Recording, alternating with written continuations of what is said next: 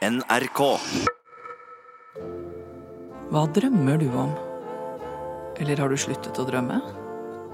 Kan du ta deg selv i å kikke ut av et bussvindu og ikke se noen ting der ute? For du er et annet sted, i en annen verden, langt borte.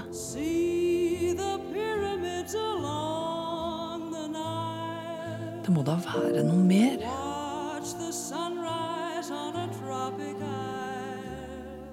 Tenker kanskje skal jeg sitte her på denne bussen hver dag til jeg blir gammel og går av med pensjon?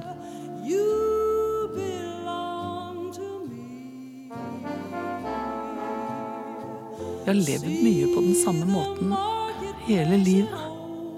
Tenker du kanskje. Det er trygt og greit, men hvorfor skal ikke jeg også kunne tenke sånn som noen gjør? Fins det et eventyr som venter på meg et sted? Kanskje et helt annet sted i verden? Kraft, kraft, kraft. Jeg heter Kirsti Kraft, og jeg vil ta deg med til 1950- og 60-tallet. I en annen tid, men likevel med de samme livsvalgene som vi har. Alle sammen brøt de opp. Unge og naive. Og de hadde ikke trodd det selv. Men de kom aldri hjem. Var det den amerikanske drømmen som tok dem? Når man tar en sjanse, kan det gå begge veier. Just remember till you're home again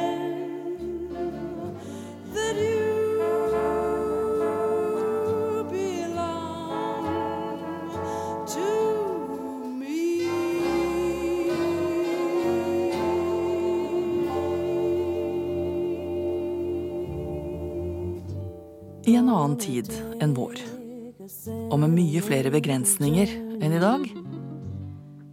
Ingjerd sitter og biter negler på jenterommet, hjemme på Fåvang. Året er 1967. Hun kjeder seg. Tankene flyr fra det ene til det andre. Skal jeg bli her? Det er jo, du har jo bestandig to veier du kan gå.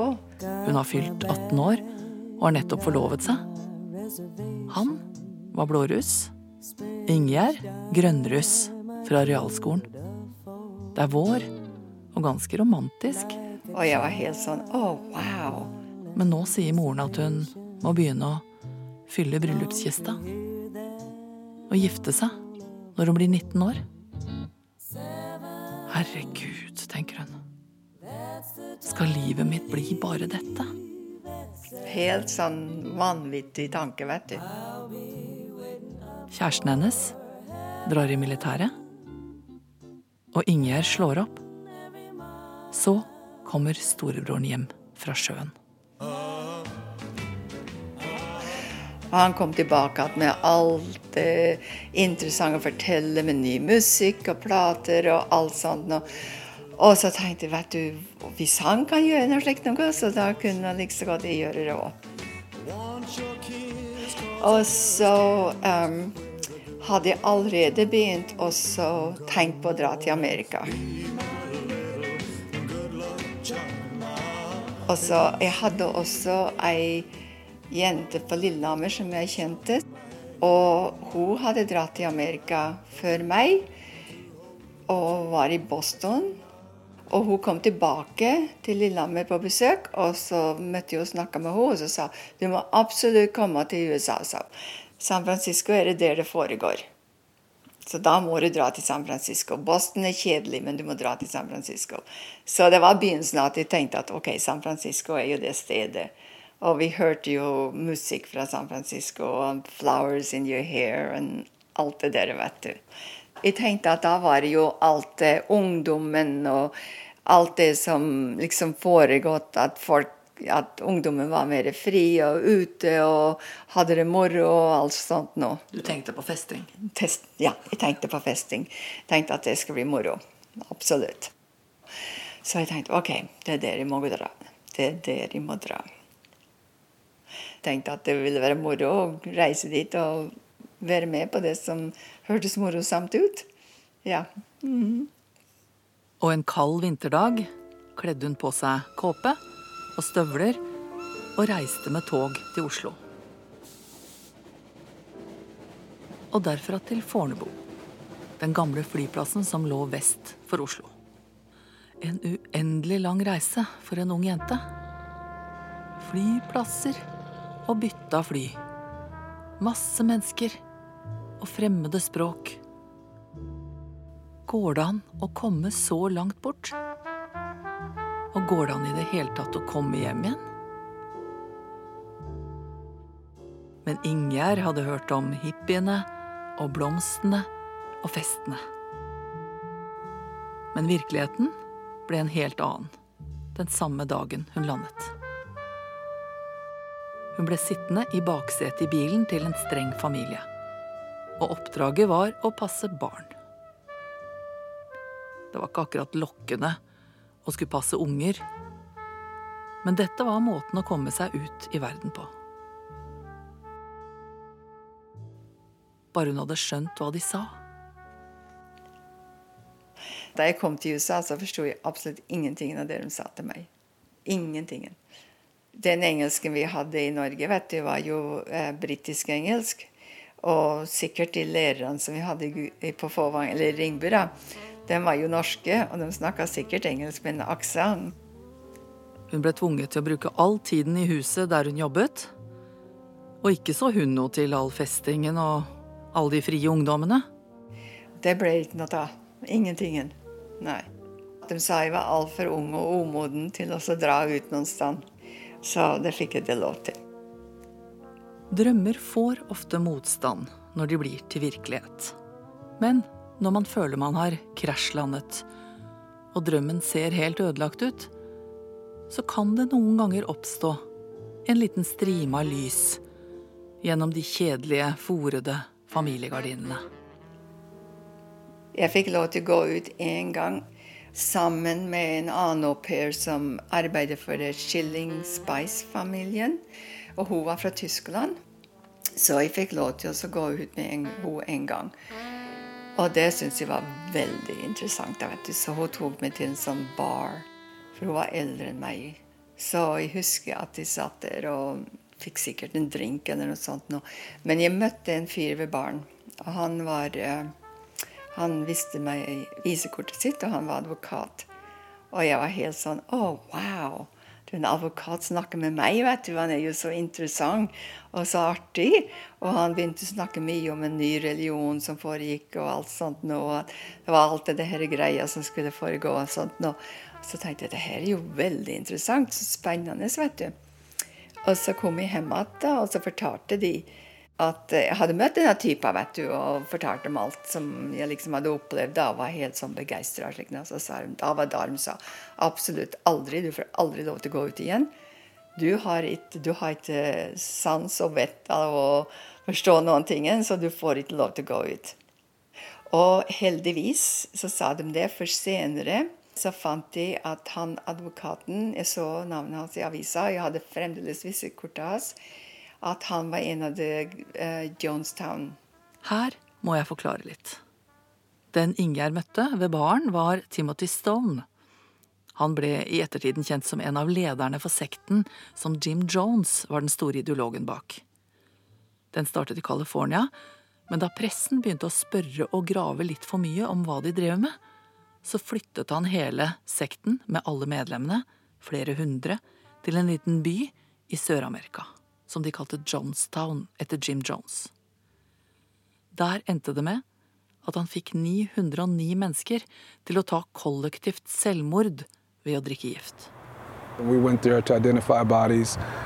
Uh, we got there, and uh, first thing we did was look to make sure Jim Jones was dead, and he was. Everybody was dead. There were 900 plus people just on top of each other, and their bodies were very distorted.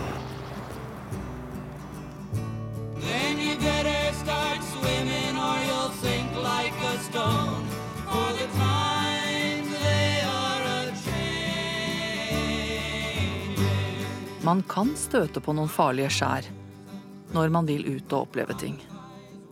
Hun visste ikke dette om sekten den gangen. Hun satt frustrert på aupairhybelen sin og vansmektet og tenkte at hele turen og alle drømmene hennes var helt bortkasta. Dette var jo ikke noe moro.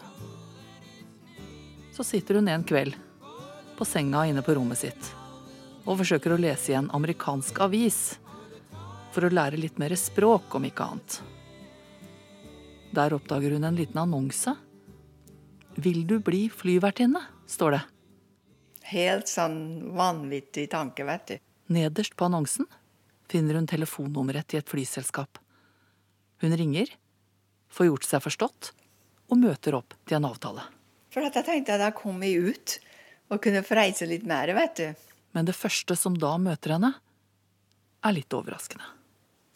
OK, du må ta inn kjolen din, sa hun. Stramme inn kjolen din litt. Og så så hun på meg og så sa å, du, vi har altfor tynn ei dame, jente fra Gudbrandsdalen, så vi er altfor tynn, sa hun. Så da var det det. Jeg hadde ikke nok. Jeg hadde jo ingenting, vet du. Jeg var helt sånn så tynn. At du hadde ikke nok pupper? Hadde ikke nok pupper. Så med altfor små pupper og ganske mye mindre selvtillit drar hun tilbake. Og når jeg kom tilbake hjem så var hun fru Smittepart veldig, veldig sur. Og sa 'hvor har du vært hele dagen?' og bla, bla, bla. Og så sa jeg 'jeg har vært på intervjuer'. Det tok hele dagen. Jeg måtte sitte og vente for å bli intervjua. Det var mange der. Og så har jeg jo trutt på det, sa hun. også. Og så sa jeg 'men da kan du bare ringe og spørre'. Og så da sa jeg 'Det svarer', så slo hun meg i ansiktet. Og så den kvelden så tenkte jeg ok, så gikk de ut i middag, og så tenkte jeg at ok, dette her eh, går ikke, dette her vil de finne meg i. Så jeg ringte først til ei norsk jente, Ingrid, som jeg hadde møtt. Men jeg har aldri sett henne, jeg har bare snakka litt med henne på telefonen. Vi møttes én gang. Og så ringte jeg til henne og så spurte du, vet du, jeg tror jeg trenger å komme bort herifra. Kan du, kan jeg få lov å, kan du komme og hente meg? Kan jeg få lov å bo hos deg? Og så sa hun vel, jeg kan ikke hente deg i kveld, sa hun, for jeg har noe jeg må gjøre. Men eh, du kan få lov å bo. Og så tenkte jeg vel, jeg må komme ut av huset. Så ringte jeg til den tyske au pair-jenta som var ved siden av meg. Og så sa hun ja, absolutt, sa du trenger å komme bort derifra. Så hun kom og henta meg, og vi tok alle klærne mine, alt jeg hadde, og kasta i baksiden av bilen hennes. Og så kjørte hun meg ned til, ned til uh, venninna mi som bodde i San Jose i den tida.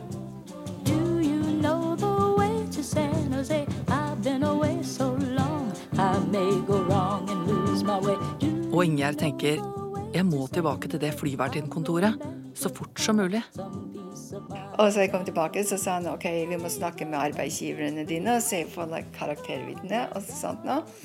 Og så sa jeg vel, du sa jo vet du, jeg har, jeg har rømt, sa jeg. Jeg har rømt. Jeg rømte, Jeg så fortalte han hele historien, vet du, for jeg visste at, vet du hva jeg kunne si, for jeg visste at de ville si at, ja, de var jo sinte på meg, for jeg hadde rømt om natta, vet du. Så da sa han, ok, sa han, jeg skal sende deg ned til Los Angeles for et intervju til, sa han. Og jeg skal skrive et brev til dem, som, som du skal ta med deg når du går ned på det intervjuet. Og så forklare situasjonen, og at de tror at du har store muligheter til å bli god flyvertinne. Var ikke det treff? Var ikke det klaff? Er ikke det lykke? Så jeg var så glad, vet du.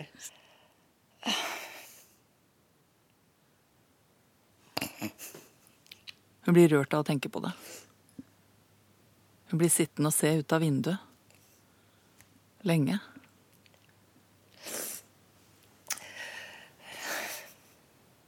Hvorfor tror du det blei det? Fordi jeg trodde det var veldig spesielt at noen store trodde på meg. Ja, I Amerika på den tida så tok folk deg for hva de så. Liksom. Det var ikke så at det var så nøyaktig med alt annet. Hvis de så at du hadde muligheter, så ga du deg muligheter.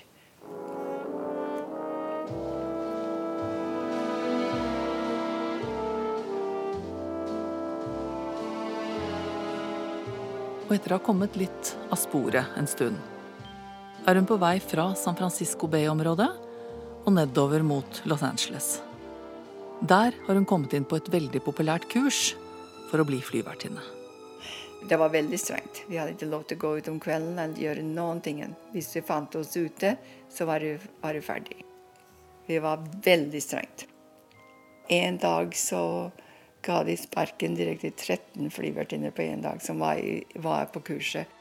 Og det var ganske stressende egentlig når du så 13 av, jentene forsvinne på en dag. De ble bare bedt om å komme inn på kontoret, og vi så dem aldri igjen. Håret mitt var litt sånn langt akkurat, men det var veldig Jeg har ikke så veldig tjukt hår eller noe sånt nå. Så, så det var for langt, da, for på den tida så skulle håret bare være på, ned på kraven som militær cut, liksom. Så jeg skulle ikke nå skuldrene eller noen ting.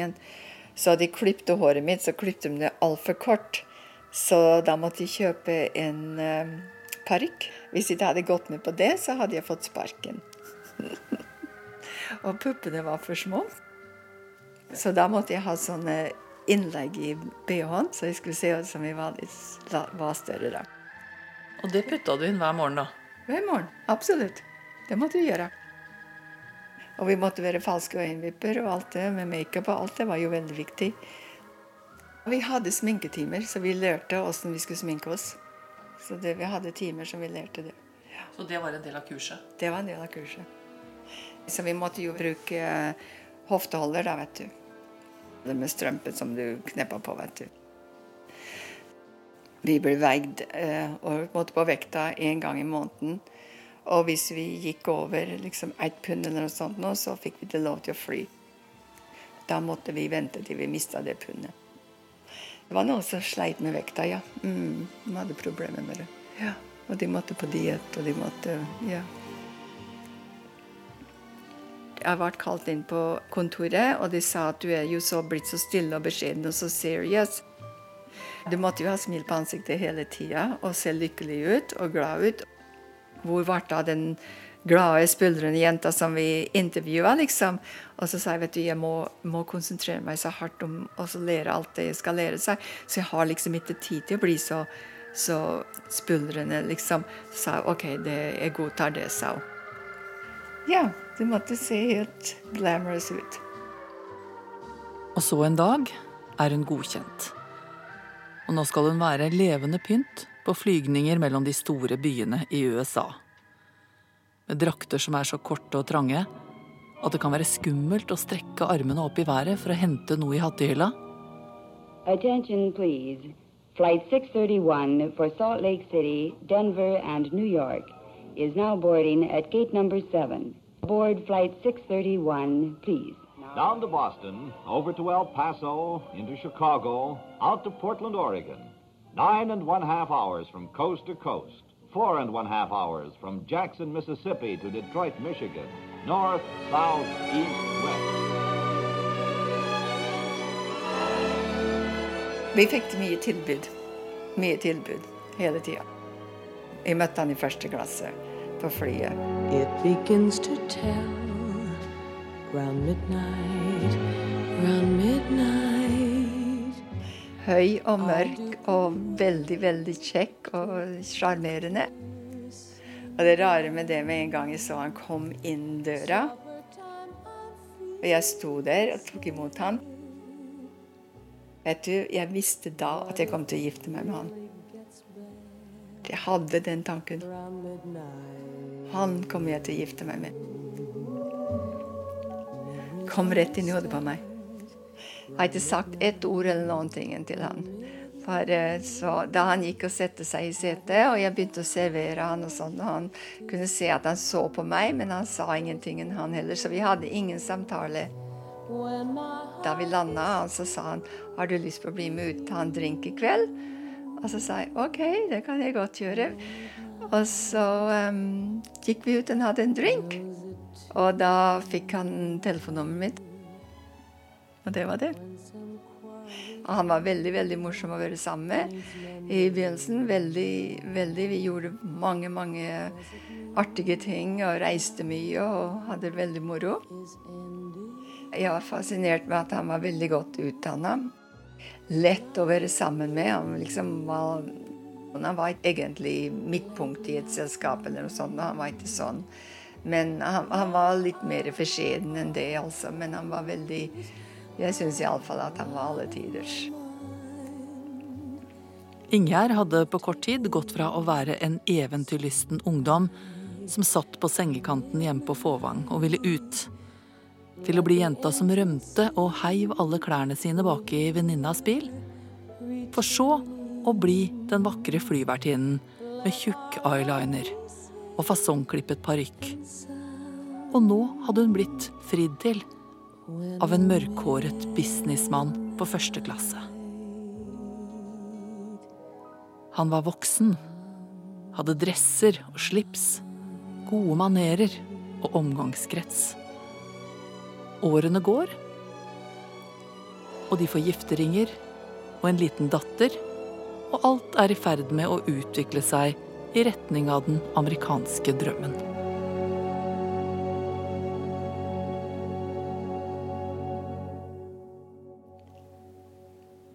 Jeg tror han så at det var ei veldig ung jente som var nokså uerfaren og kanskje litt eh, Ja, litt annerledes enn andre som han har vært sammen med. Så han var jo voksen istedenfor de som jeg hadde vært sammen med før.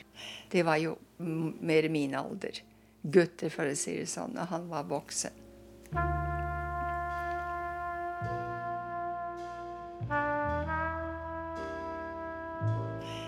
Vi ble jo skilt omsider, da, vet du. Og um,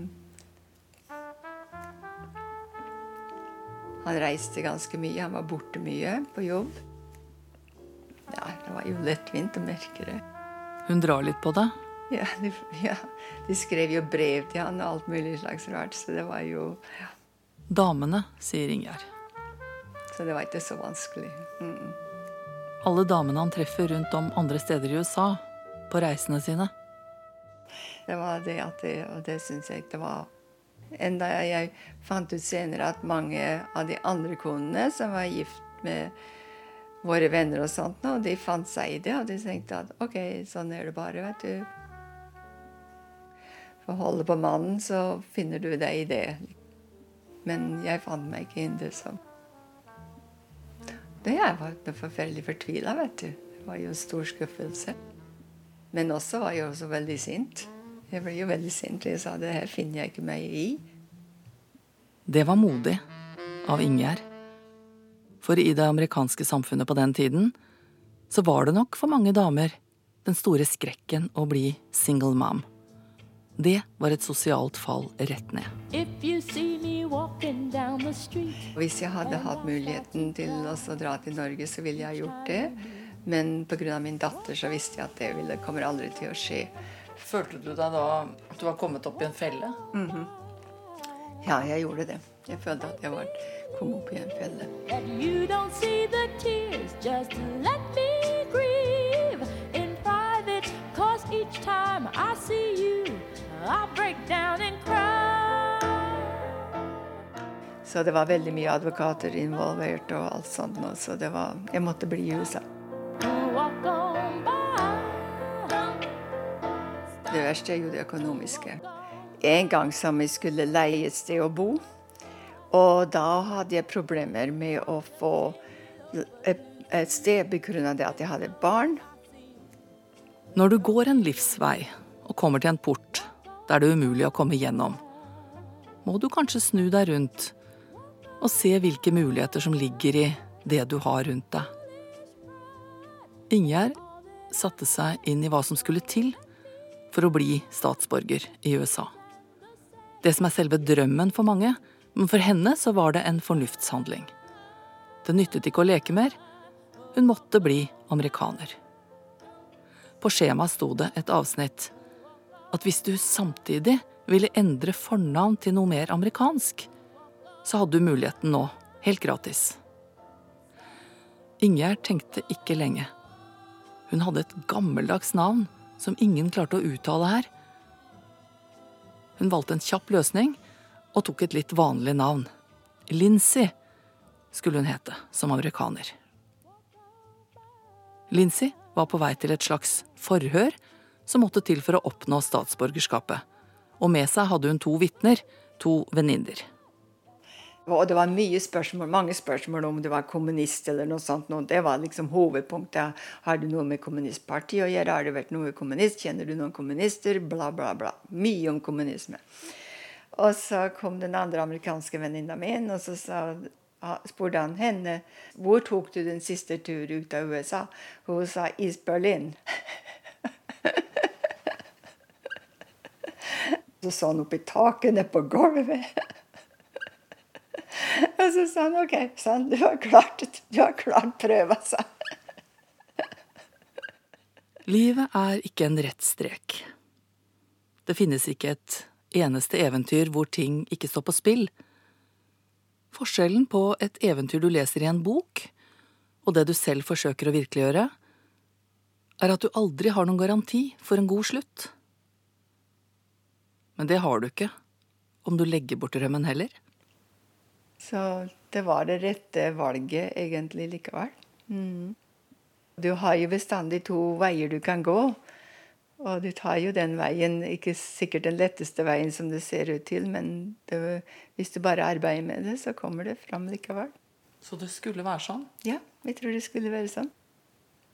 Skjebnen er den som tar deg dit du skal, tror jeg.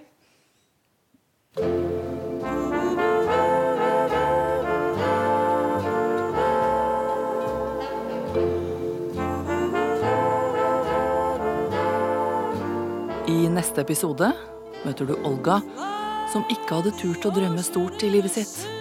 Vi som ikke hadde vært noen steder og kommet til Amerika. Hun tok den muligheten som kom, og livet ble til i skyggen av skyskraperne. Kraft. Den amerikanske drømmen lages av lyddesigner Merete Antonsen. Researchere Åse Lundan og Sindre Næss. Konsulenter Hege Dahl og Ingrid Skåre. Og mitt navn er Kirsti Kraft.